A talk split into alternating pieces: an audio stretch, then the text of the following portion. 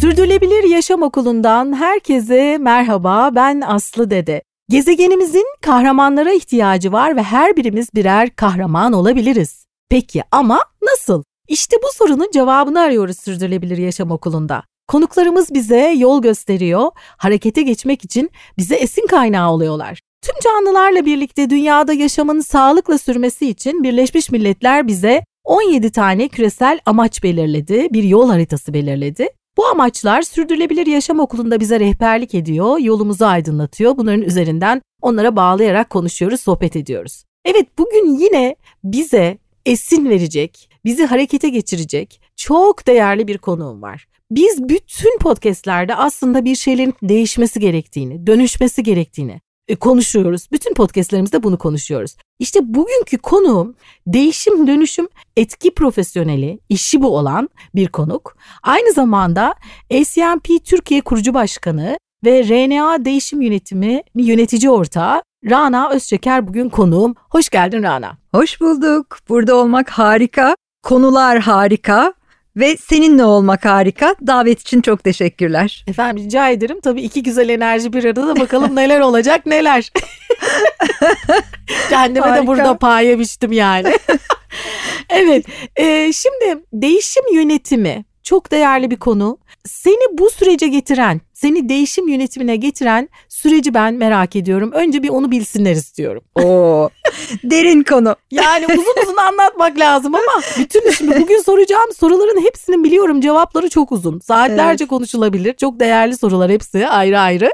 Ama biz kısa kısa işte değineceğiz. Tamamdır. Son derece kısa. Gerçi benimle bu çok kolay bir şey değil. E, beni tanıyorsun. Hani e, söz konusu konuşmak olduğunda durdurak bilmeden konuşma kapasitesine sahip bir insanım. Bütün hepsini 30 dakikaya sığdırmak için elimden gelen her şeyi yapacağım. tamam. E, benim e, kariyerim finansla başladı. Ben Pricewaterhouse'da denetmen olarak başladım. Arkasından Procter Gamble gibi, Perfetti gibi, Ingersoll Rand gibi e, çok uluslu firmalarda finans yaptım. Finans direktörlüğüne kadar çıktım. Genel müdür vekilliği yaptım. Ama e, tüm bu süreçte aslında ee, hani o böyle insan içinde bir tatminsizlik oluyor ya bugün e, yeni genç arkadaşlarım yeni nesil buna çok daha kolay isim buluyor. Ben hep kendimi huzursuz bir ruh olarak gördüm. Başkaları beni maymun iştahlı olarak gördü. Sürekli hani ben burada iyi değilim deyip kendime başka bir yer arayışı içine girdim. Çok Ama tanıdık geliyor bu anlattıklarım bana. Değil mi? Yani o zaman bizler bu kadar güzel isimlendiremiyorduk. Yani aa kendime yanlış kariyer seçmişim demek o kadar kolay değildi. Her neyse dedim ki madem öyle ben hani yine benzer bir şeyler yapayım. İşte Türkiye'ye gelmek isteyen şirketlerin Türkiye'deki şubelerini kurmak için bu sefer kolları sıvadım. İşte bir tane satın alma, bir tane bir şirket birleşmesi, bir tane sıfırdan kurma falan derken ve baktım yani bunların hiçbirisi beni tatmin etmiyor. Ama bütün bu işleri yaparken çok ilginç bir şey oldu. Çalıştığım bütün şirketlerde, kabul ettiğim bütün tekliflerde beni cezbeden şey aslında puzzle'lar, problemler, ve bütün bu problemlerin çıkış noktası da insan. Yani ya bir kültürel entegrasyon olan ve insanların birbiriyle çatıştığı şirketler ya yeniden yapılanma olan ve insanların bu yeni süreçleri kabullenmekte zorlandığı şirketler. Bir finansçı olarak hani beni çok ilgilendirmediği düşünülebilir ama e, süreçler beni ilgilendiriyor. Sürecin olduğu her yerde insan mutlaka var. Dolayısıyla sizin o şirketin içinde insana dair bir şey yapmanız için insan kaynakları profesyoneli olmanız gerekmiyor. Ve ben bunları gördüğümde bu alan beni büyüledi. Yani insanların bu değişimlere olan dirençleri, yaklaşımları, bütün bunlar çok ilginç geldi. Ve insanlarla ilgili çalışmaya karar verdim. 2004 yılında e, RNA'yı kurduk. Ve ben insanlardaki bu değişim, liderlerdeki bu değişim, e, bu konuyla ilgili eğitimler almaya başladım. Bayağı bir e, böyle işte İngiltere'de, Amerika'da eğitimlerimi aldıktan sonra geldim ve başladım. Ama bir buçuk iki sene sonra bir şey garip geldi. Bir insana dokunuyorsunuz çok güzel o insandaki değişimi görüyorsunuz muhteşem ama her ne kadar kelebek etkisinden bahsedilse de benim için belki de eğitimimden ve mesleğimden ötürü geçmişimden ötürü ölçeklenebilirlik çok önemli. Yani elinizi kaldırdığınızda bir kişiye etki etmesi var, bin kişiye etki etmesi var, bir milyon kişiye etki etmesi var. Ve bu zamanı iyi değerlendirebilmek için de o ölçeklenme önemliydi. Dolayısıyla bu sefer döndüm ben nasıl bunu ölçeklenebilir kılarım diye düşündüm. Ee, ne eksik yaptığım işte. Ben dünyada bir şeyleri değiştirmek istiyorsam eğer o zaman bu dünyayı yöneten de şirketler aslında büyük büyük şirketler. O zaman ben bu büyük büyük şirketlerin içindeki insanlarla çalışırsam istediğim etkiyi daha kolay yakalarım diye düşündüm. Ve e, bunun sonrasında da kurumsal e, organizasyonel değişim yönetimi tarafında bir temel eğitimler silsilesinden geçtikten sonra sertifikasyonlardan bu işle ilgili çalışmaya başladım. Bugün durduğum yere gelmem 2016-2017 sürdürülebilirlik kavramının hayatımda daha da fazla yer etmesiyle oldu.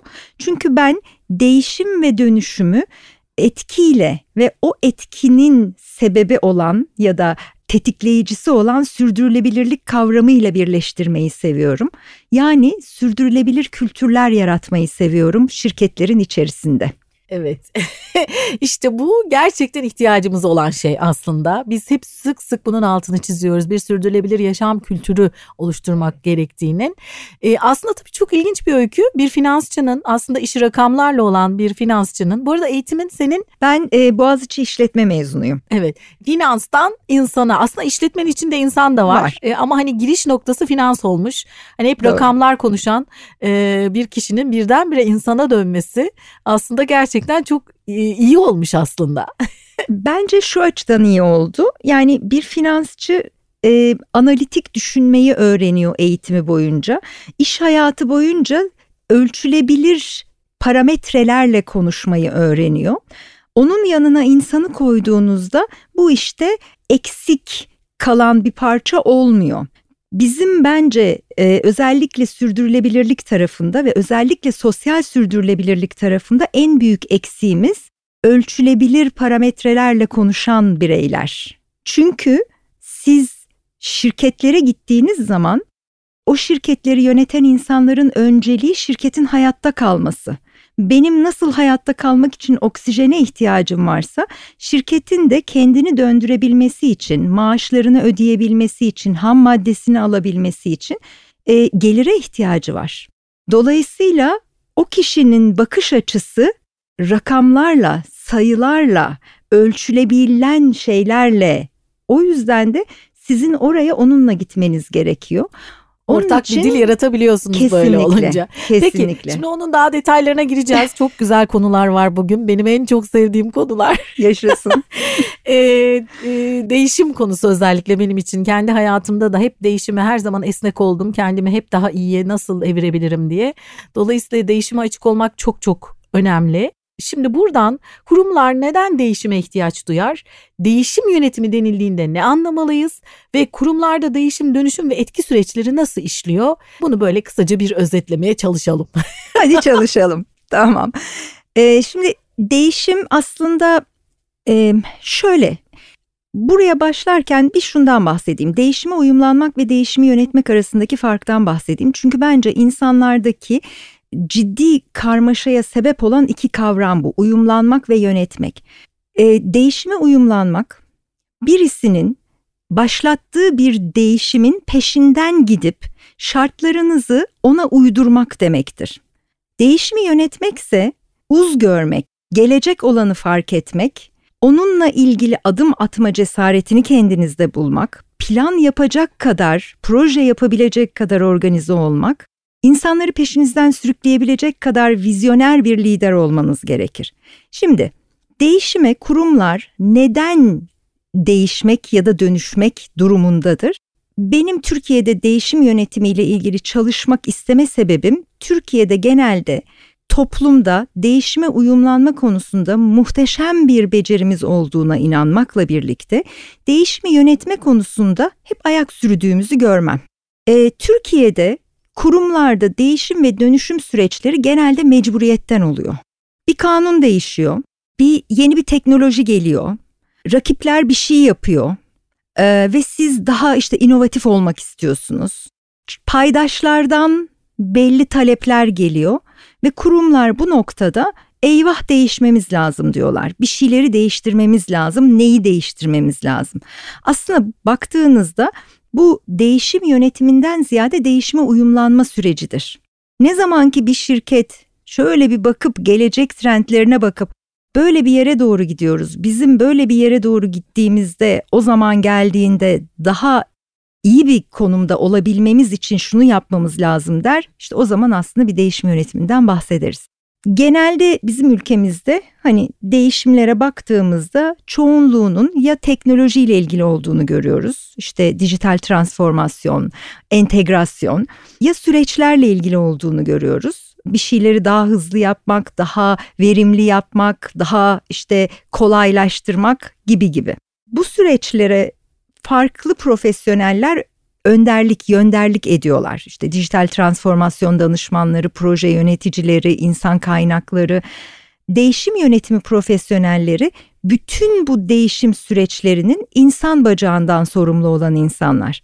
Siz bir süreci değiştirebilirsiniz ama o süreçten sorumlu olan insanın bakış açısını, varsayımlarını, davranışlarını değiştirmediğiniz sürece o süreç sahipsiz kalacak ve o değişim süreci başarısızlıkla sonuçlanacak. Dolayısıyla bizim hedefimiz insanlarda var olan bu dirençle başa çıkabilmek, onu ortadan kaldırabilmek için bireylerin yeni hikayeyi anlamaları, onların bakış açılarını değiştirebilmelerine yardımcı olacak farkındalığı yaratabilmeleri ve davranış değişikliğine götürebilecek kültürel transformasyonu yapmak.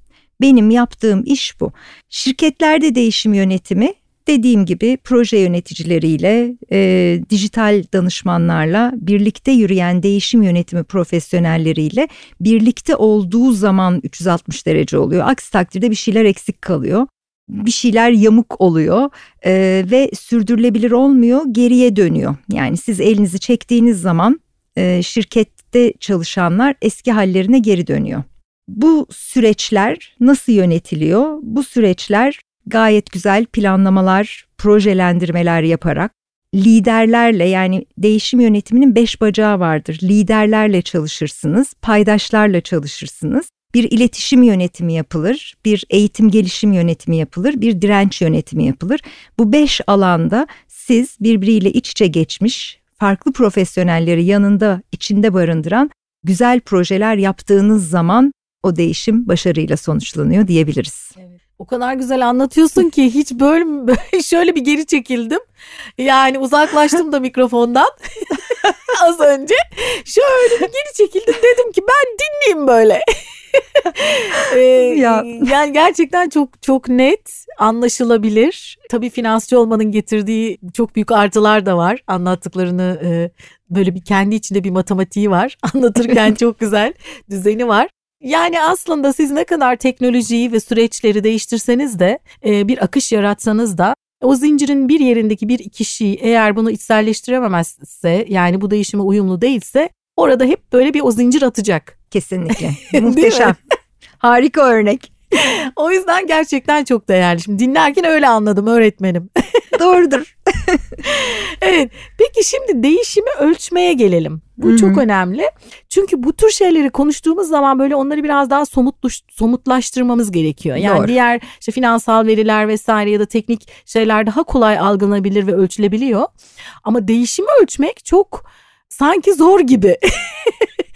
e, bunu iyi anlatabilirsek zaten o zaman evet. e, diğer yani eğer iyi ölçekleyebilirsek, iyi ölçeklendir daha doğrusu ölçümleyebilirsek o zaman bunu e, yöneticilere anlatması da kolay olacak. Dolayısıyla bizim için çok önemli. Değişimi nasıl ölçebiliyoruz ve etkisini nasıl sürdürülebilir kılıyoruz? Aha, sevdiğim sorular.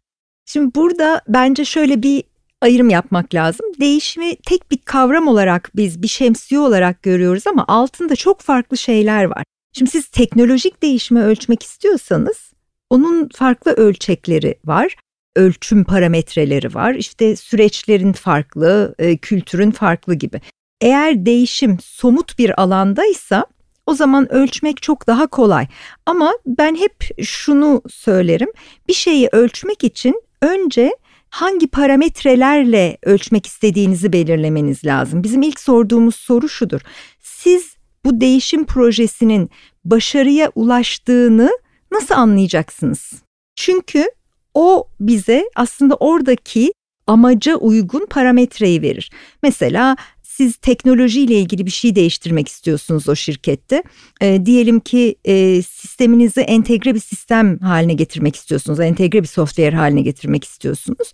Ne yapıyorsunuz? Diyorsunuz ki ölçekleriniz, şeyleriniz, parametreleriniz arasında işte daha hızlı fatura kesilmesi, daha az hata yapılması ve bunları sayıyla belirleyebilirsiniz. İşte e, bugün ortalama ayda 50 tane hata yapılıyor bunu ona indirmek gibi. O zaman parametreniz belli ise bu değişim projesinin sonunda o be belirlediğiniz şeylere ulaşıp ulaşmadığınızı ölçmek çok kolay.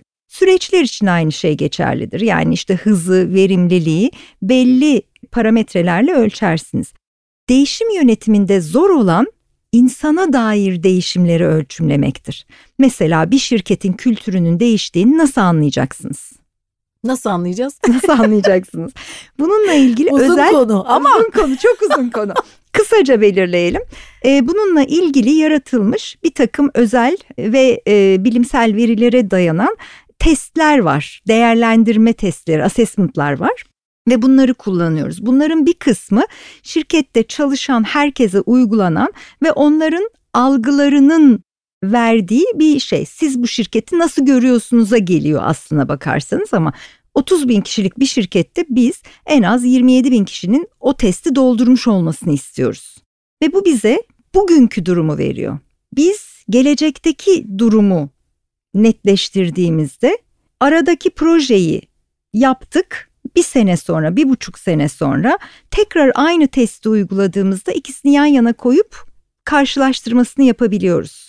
Kültür soyut bir şey olduğu için bunu somutlaştırma şansınız olabilir. Mesela bir şirket daha inovatif bir kültür oluşturmak istiyordur ve inovasyon kültürünü de e, ne kadar inovatif olduğunu ölçerken işte her departmanda e, çıkan yeni fikir, denenen yeni süreç, farklılaştırılan rapor ya da şirketin içindeki iç girişimcilik e, odağında işte e, çıkan spin-off yeni fikirler ve yeni kurulan onun etrafında kurulan yeni şirketlerle ölçüyor olabilir. Bu noktada o değişimi ölçebilmek için öncelikle ne istiyoruz? Yani bu değişimin sonunda ne olsun, ne değişsin istiyoruzun cevabını vermek lazım. Parametreleri ona göre çıkartmak nispeten daha kolay oluyor.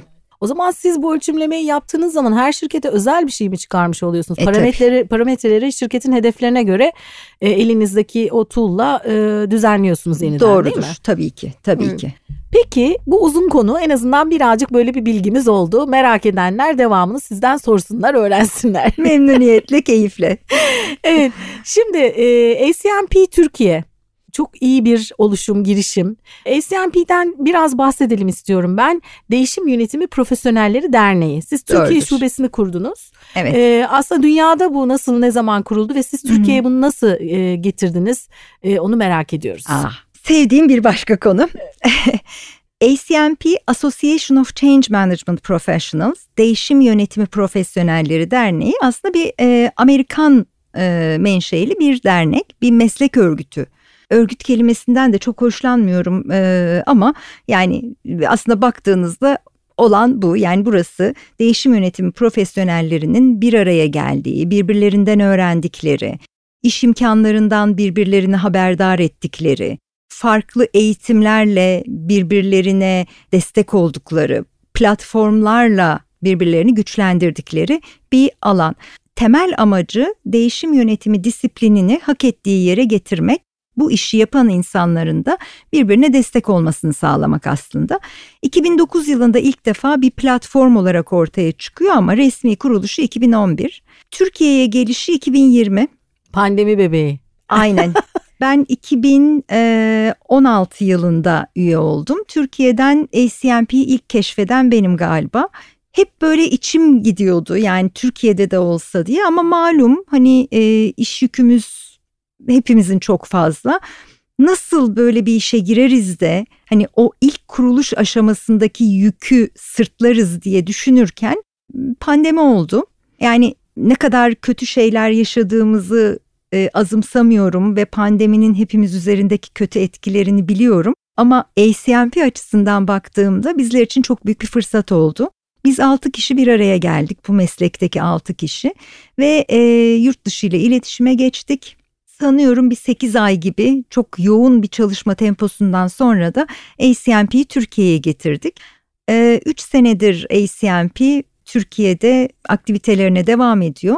Ama bir platform olarak devam ediyor. Henüz dernekleşme ile ilgili bir takım aşmamız gereken şeyler, yürümemiz gereken yollar var. Ama bu şekilde de Türkiye'deki değişim yönetim profesyonellerine elimizden geldiğince destek veriyoruz. Hatta ve hatta farklı işleri yapan işte insan kaynakları, proje yönetimi gibi işleri ya da kurumsal iletişim gibi işleri farklı olan ama değişim ekseninde bizimle kesişen her türlü profesyonelle de bu yolda birlikte yürümeye gayret ediyoruz. Ne kadar güzel. Şimdi tabii hayattaki e, hani hiç o boşlukları bulamıyoruz e, genelde hayallerimizi gerçekleştirmek için. Hayatın ritmi içinde o kadar hızlıca koşarken aslında biraz bir durduğunuz zaman biraz şöyle bir boşluk bıraktığınız zaman o hayalleri gerçekleştirmek için belki adım da atacaksınız. Buna pek bir şansımız olmuyor ne yazık ki. O yüzden aslında pandemi birçok kişinin hani her dezavantajın içinde bir avantaj vardır derler ya. O aslında dezavantajlı durum aslında birçok kişinin hayal yani çok duyuyorum bunu hayalinde olan şeye adım attığı bir dönem olmuş aynı zamanda. Çünkü bir hiçbir birden bir duruyorsunuz böyle. Durunca evet. alttan hayaller çıkıyor yukarıya.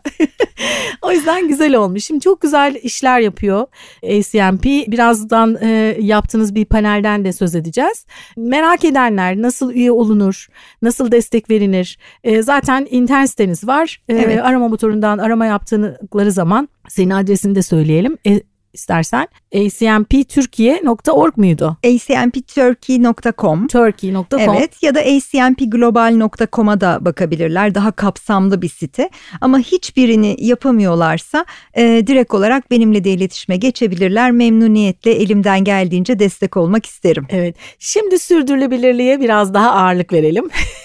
Şimdi benim, benim genelde podcastlerde ilk sorum standart böyle klasik gelenekselleşti. İşte sürdürülebilirliğin çok fazla e, tanımı var. Herkes bu sözcüğü çok sık kullanıyor. Fazlasıyla da kullanılmaya başlandı. Hani bir sıfat gibi de kullanılıyor. Hani size göre sürdürülebilirlik ne demek diye soruyorum. Ben aslında sana göre sürdürülebilirlik ne demek ve aslında sürdürülebilirlik için değişim yönetimi çok çok önemli. Asıl meselemiz o zaten. Yani teknik bir takım şeyler yapılabilir e, zorunluluklardan dolayı Hı-hı. işte yasal süreçlerle ama demin senin de dediğin gibi o insanın kafasını değiştirmediğimiz sürece ya da sistemin içindeki akışı kültürü değiştirmediğimiz sürece tökezlemeler olacak. Dolayısıyla şöyle soruyorum sorumu. Sana göre sürdürülebilirlik ne demek ve e, sürdürülebilirlik ve değişim yönetimini bir arada şöyle bir bir araya getirdiğimizde etki için e, nasıl bir e, faydası var değişim yönetiminin? Ee, şimdi önce sürdürülebilirlik. Ben hani e, çok tanımlara girmeden ben çok görsel bir insanım. Bir şey söylediğin zaman benim önce gözümün önünde canlanıyor. Benim sürdürülebilirlik dendiğinde gözümün önünde canlanan imge aslında terazi. E, çünkü sürdürülebilirlik benim için denge demek. Yani almak ve vermek arasındaki denge bozmak ve onarmak arasındaki denge, üretmek ve tüketmek arasındaki denge, bugün yaşayan bizler ve gelecek nesiller arasındaki denge. E, dolayısıyla benim için sürdürülebilirlik yerinde bir denge ve önem vermek, önemsemek demek. Yani e, çünkü eğer ben önemsemiyorsam bu sadece işte e, bir şeyi önemsemek değil ama her şeye, herkese çevremdekilere işte dünyanın bir yerinde yaşayan tanımadığım birisinin ihtiyaçlarına e, eğer önemsemiyorsam, hayata önemseyerek bakmıyorsam bir hayatımı ziyan ediyorum zaten. Çünkü o hayatı anlamlı bir şekilde yaşamıyorum. İki e, yaptığım şeylerin sonucunu da önemsemiyorum demek o. Ve bence bizi bugünlere getiren şey de bu. O dengeyi kaçırdık çünkü önemsemedik. Bugün tekrar önemsemeye başlamamız nasıl mümkün olabilir? Bence temel soru bu zaten. Yoksa siz hani şirketlerin içinde şimdi sordun değişim yönetimi ve sürdürülebilirlik dedin. Sürdürülebilirlik bugün pek çok şirketin gündeminde ama dönüp baktığınızda aslında mecburiyetten yapılmış sadece dışarıdan pazarlama amaçlı yapılmış birçok kampanya görüyoruz ve bence yeşil aklamanın ortaya çıkma sebebi zaten bu mecburiyetler. Eğer siz bunu alsanız bu fikri, önemsemeye başlasanız o zaman bunu değiştirmeye çalışırsınız. Şirketin içinde, yaşam tarzınızda, evinizde. Dolayısıyla hani sadece mış gibi yapmak değil ama bunu hayatınızın bir parçası haline sokarsınız. Belki hala işte suyu e, mecburen Türkiye'de çok şansınız yok. İşte e, belki hala suyu plastik şişeden içiyor olabilirsiniz. Ama karşınıza çıkan insanın bakış açınız, işte adalet kavramınız, eşitlik kavramınız e, bunlarda değişiklikler olabilir. Yani herkes aynı şekilde davranmayabilir ama hepimizin eninde sonunda yaşadığı bir farkındalık ve sahiplenme duygusu ortaya çıkar. Bana göre değişim yönetimi, bana göre kültürel transformasyon sürdürülebilirliğin kök salması için olmazsa olmaz. O yüzden ikisini bir arada kullanmayı gerçekten çok istiyorum ve çok seviyorum. Diğerleri biraz işte zoraki, mecburi oluyor. E herkes yapıyor hadi biz de yapalım. Ne yapalım? Aa işte çöpleri e, şeyden kaldıralım da oraya e, işte bölelim, ayıralım çöpleri. İyi güzel de insanlar bununla ilgili bir istekleri var mı? Bu onlara kendilerini nasıl hissettirdi? Niye hani bunu yaptınız? Onlar buna ne değer atfetti? Bilmedikleri sürece yaptığınız şeyin çok anlamı yok. O yüzden bu iki kavramın kesinlikle birbirinden ayrılamaz olduğuna inanıyorum. Çok güzel. Zaten ben de e, şimdi bir panel olacak yakında. Ben de bundan önceki panelde aslında iyi ki karşılaşmışım, iyi ki gelmişim. çünkü iyi ki. o iyi ki. Çünkü paneli dinleyince kafamda böyle dedim ki işte bu.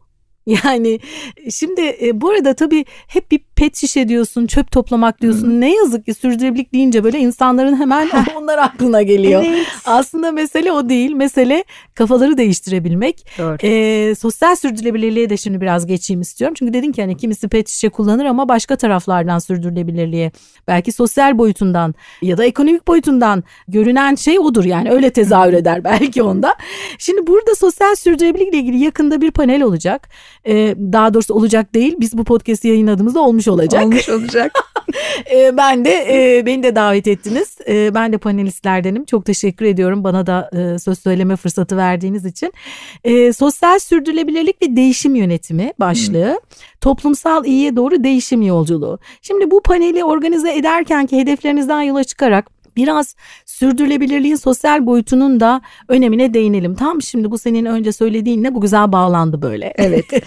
Ee, önce hani davetimize icabet etmek deniyor. Tabii dinleyen gençler varsa muhtemelen bu eski kelimeleri çok şey yapamayacaklardır ama e, iyi ki geliyorsun. Senden öğreneceğimiz çok şey var. Fikirlerini dinlemeyi, duymayı e, heyecanla ve merakla bekliyoruz cidden.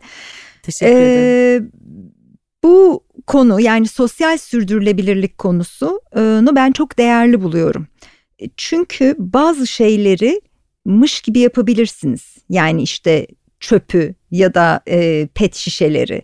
E, ama altı insana değer, şefkat ve adaletle örülmemişse o zaman bunlar gerçekten birer vitrin olarak kalıyor.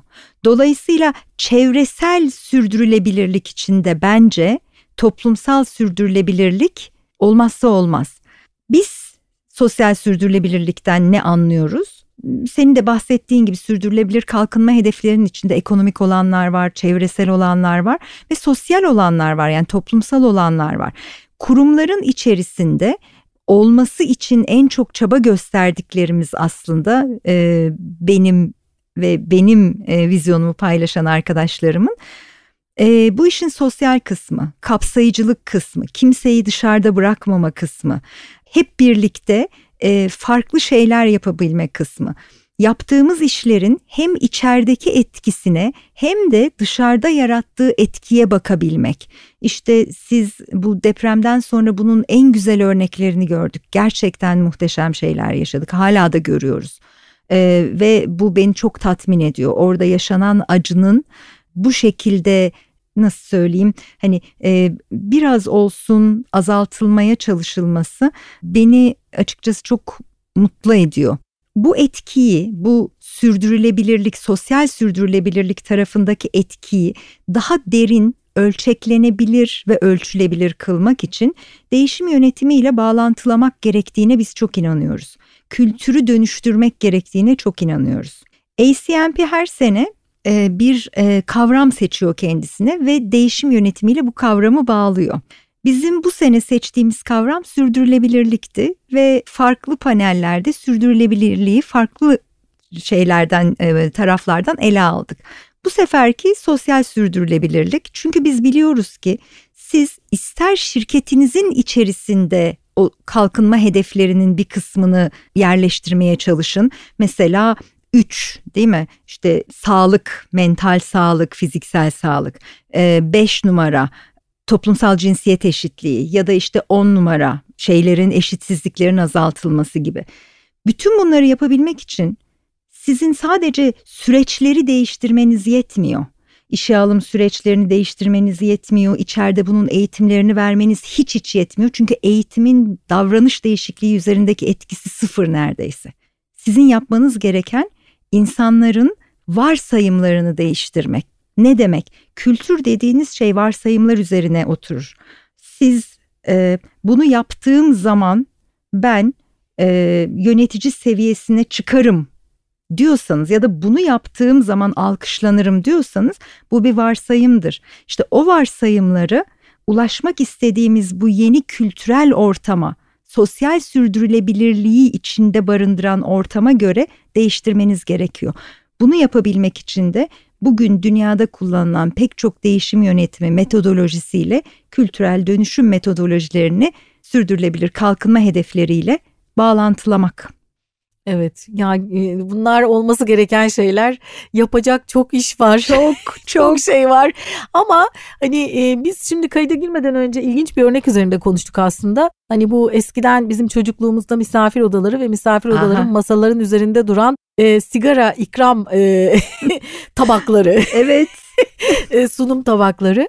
Yani yaklaşık 40 yıllık bir süreç diyelim. Hı hı. E, bu böyle bir kültürel kod vardı bir, öyle bir, bir şey vardı yani ve birden o yok artık. Evet. Yani bu aslında işte sigaranın sağlığa zararları, işte yaşam biçimlerinin tabii süreç içerisinde değişmesi, bir sürü kampanyalar, yani e, bir sürü yasalar yani aslında çok büyük bir çalışmayla öyle bir alışkanlık, hı hı. E, öyle bir kod e, ortadan kalkıverdi. Ama tabii bir ne kadar süreç belki hani hadi 40 demeyelim de bir 10 yılda daha yani fazladır. daha mı diyelim? Daha fazladır daha fazladır. Şimdi e, eğer siz her şeyi kendi haline bırakırsanız e, yani bu bir bakış açısı su yolunu bulur da diyebilirsiniz. Ama ne kadar zamanımız kaldığı da bence düşünmemiz gereken bir konu. Yani bazı şeyleri e, bilinçli olarak biz değiştirmeye çalıştığımızda o süreyi daha da kısaltabiliyoruz.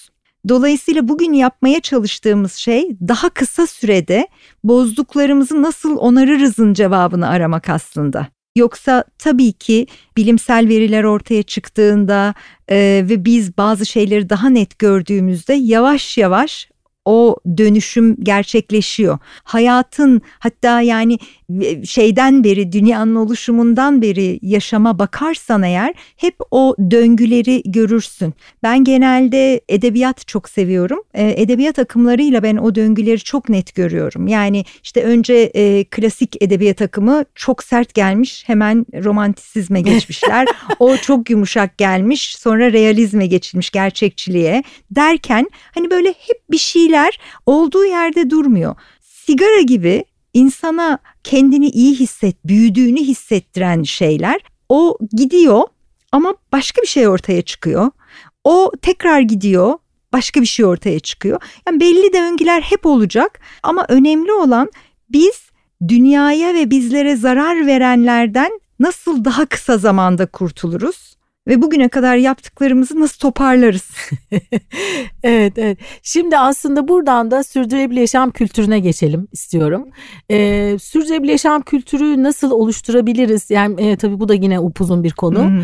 Ee, ama hani şu an aslında elimizde bir sürü iyi araç var, teknoloji Doğru. var. Ee, birdenbire bir bir şeyi yaymak istersek hızlıca bütün dünyaya yayabiliyoruz dijital e, platformlardan. E, dolayısıyla aslında e, bu konuda bir kültür oluşturmanın da avantajlı yani şu an elimizdeki araçlar avantajlı araçlar var. Tabii evet. bunu nasıl kullandığına bağlı tam tersi de olabilir. e, sürdürülebilir yaşam kültürünü nasıl oluşturabiliriz ve bu artık bizim e, podcast'imizi bağlıyoruz yavaş yavaş. e, ve sen kişisel olarak e, yaşam biçiminde değiştirdiğin Hı-hı. yaşam alışkanlıkları var mı? Kendi yaşam kültüründe değiştirdiğin hani gerek iş yaşamında gerek e, sokakta evde bize esin kaynağı olabilecek söyleyebileceklerin var mı? Onları merak ediyoruz. Teşekkür ederim. E, şimdi toplumsal bence sürdürülebilirliği daha genişletmek için birkaç tane şey var benim burada değinmek istediğim. Bunlardan bir tanesi bugün sürdürülebilirlik çok yüksek tondan konuşuluyor. Yani sürdürülebilirlik dediğiniz zaman bazen öyle e, yazılar, öyle söylemler, öyle şeyler duyuyoruz ve dinliyoruz ki e, hani ben kendimi iyi eğitimli, çok okuyan birisi olarak görürüm ve anlamakta çok zorlanıyorum. Bir şeyin kitlelere yayılmasını istiyorsanız dilinize dikkat etmeniz lazım. Net, anlaşılabilir, üsttenci değil. Çünkü bugün baktığınızda işte eşitsizliklerin azaltılması diyoruz. Ama bunu anlatmanın çok kolay yolları varken biz bunları işte e, daha farklı kelimelerle sanki dünyada hiç böyle bir şey yokmuş da ilk defa sürdürülebilir kalkınma hedefleriyle gelmiş gibi anlatmaya başlıyoruz. Ve bu da insanları rahatsız ediyor. Çok büyük kitleler sadece bu sebeple dinlemeyi bile reddet, reddedebiliyor. Halbuki işte bir kısım insanın inancının içine gömülmüş şekilde var. Kültürümüzün içine gömülmüş şekilde var. Bu Türk kültürünün içinde yok diyemez bana hiç kimse. Bizim bunları hatırlatıyor ve bağlantıları kuruyor olmamız gerekiyor eğer toplumdan bahsediyorsak. Yani siz bunu sadece caz konserlerinin arkasından popüler isimleri konuşturarak ve toplumun sadece yüzde üçünün dördünün anlayabileceği ya da katılabileceği organizasyonlarla yapamazsınız. Bunu yaymak demek toplumdaki her insanın bunu anlayıp benimseyebileceği bir değerle birleştirebilmek demektir. Dolayısıyla birincisi bu.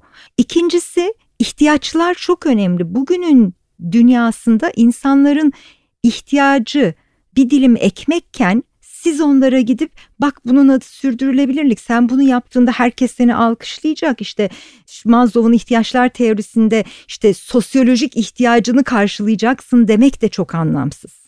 Bunların farkına varmamız gerekiyor. Ama bence en temeli bu şirketler içinde geçerli bireyler içinde bazı şeyleri seçim gibi sunuyoruz insanların önüne ve şirketlerin önüne. Ya kar edeceksin ya işte e, üretirken karbon ayak izine dikkat edeceksin. E, ya işte yetenekli insan alacaksın ya yüzdeni yükseltmek için kadın alacaksın. Şimdi bunu ben bu isimler bu arada benim hani şeyim yaratıcılığımla geliyor. E, ben Aristo mantığı diyorum buna. Geçmişe dönüp baktığınızda eski Yunan'dan süre gelen bir siyah beyaz sıfır bir iyi kötü değil mi?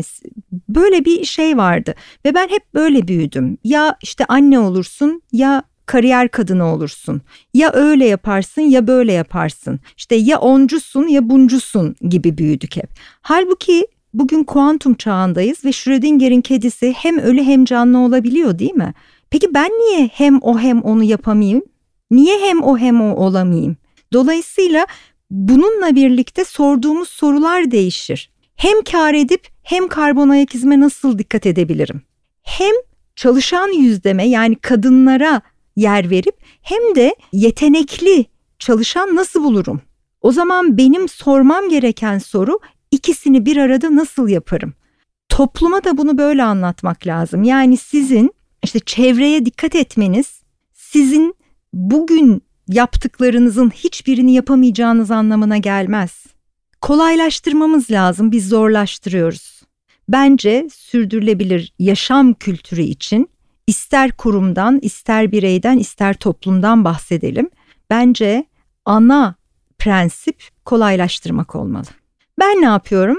Ben bunun sözcülüğünü yapıyorum. Benim hayatımdaki sürdürülebilir yaşama dair en hani kendime bravo Rana ya iyisin dediğim şey şirketlere girip çıkıyorum. Bu konuda projeler yapıyorum. Ee, okullarda konuşmalara gidiyorum. Mümkün olduğunca çok insana dokunuyorum ve bu konuda burada söylediğim şeyi söylüyorum. Aslında zor değil. Bu yapılabilir.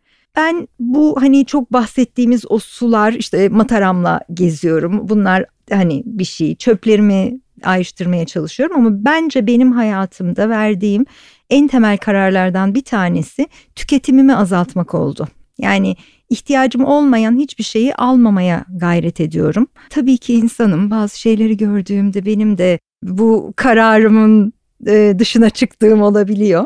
Ama temelde atıklarımı azaltmak bu işte kıyafet de olabilir bu yiyecek de olabilir. E, genellikle küçülmek ve yalınlaşmak olarak ben bunu görüyorum. Elimden geldiğince yalınlaşmaya gayret ediyorum ve hani hepimizin güçlü yönlerinin farkında olması gerektiğine inanıyorum. Yapamadıklarım var. Bunun için çok üzgünüm ve gelecek nesillerden özür diliyorum. Ama yapabildiklerimi de elimden gelenleri de her şeyimle uygulamaya gayret ediyorum. Çok teşekkür ederim. O kadar güzel anlattın ki gerçekten nefesine sağlık. Ah. Ee, çok çok teşekkür ediyorum. Hep bunu sık sık söylüyoruz. Sürdürülebilirlik hayattan böyle çok ayrı bir kavram değil. Hayatın içinde olan bir kavram. Ee, günlük hayatımızın içinde olan bir kavram. Biz çocuklarla mesela bazen biz e, sürdürülebilir kalkınma amaçlarını çocuklarla birlikte atölye yapıyoruz, anlatıyoruz. Onlara işte tasarım odaklı düşünme yöntemiyle proje geliştiriyoruz diyoruz. E, nasıl yani çocuklarla sürdürülebilir kalkınma amaçları yani nasıl oluyor falan diyorlar. Değil mi? Hani evet. gençlerle yine tamam olabilir de çocuklar ha, ama diyoruz ki yani bu zaten hayatın içinde olan bir şey. Evet. Yani dolayısıyla aslında e, şimdi seni dinlerken tekrar şeyi de hatırladım. E, şirketler zaten ömürleri boyunca bugüne kadar yani sürdürülebilir kalkınma amaçları ya da sürdürülebilir raporları konusu gündeme gelmeden öncesinde zaten belirli etik ilkelere dikkat ettilerse zaten sosyal sorumluluk projelerini layıkıyla yaptılarsa yani bir şeyleri zaten doğru yapıyorlardıysa aslında hani bu sürdürülebilirlik raporu hazırlamaları çok daha kolay oluyor. Kesinlikle. Çünkü ben konuşuyorum şirketlerle öyle diyorlar. Bizim için çok kolaydı. Çünkü biz döndük baktık sürdürülebilir yani rapora göre yaptıklarımızla birbirini hizaladık, eşleştirdik ve zaten çıktı. Yani dolayısıyla hani bir şeyleri zaten doğru yapan bireyler ya da şirketler için bunlar çok ulaşılmaz hedefler de değil. Doğru. Ee, o yüzden gerçekten bunun altını çizmen çok değerliydi. Hani birdenbire durdu da böyle bir şey çıktı diye. yani bir şey yok. Bir, ikincisi hayattan çok uzak değil. Evet.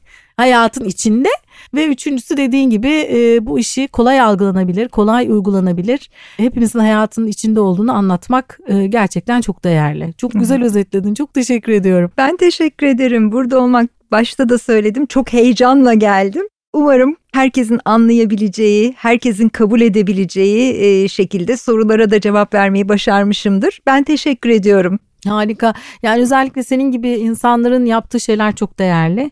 Çünkü gerçekten bu konunun içselleştirilmesi için e, ayaklarının yere basabilmesi için çok çok değerli. E, tabii ki teknik bir takım değişiklikler mecburen yapılacak hmm. ama bunlar sürdürülebilir olması için bu işin altını çiziyoruz. çok önemli. Eklemek istediğin bir şey var mı? Çok teşekkür ediyorum. Çok sağ ol. Evet. Bir bölümün daha sonuna geldik. Bugün kimdi konuğum? Bugün şeker gibi Çok tatlı bir e, konuğum var. Rana Özçeker vardı. E, değişim dönüşüm etki profesyoneli. ACMP Türkiye kurucu başkanı ve aynı zamanda RNA Değişim Yönetimi e, yönetici ortağı kendisi.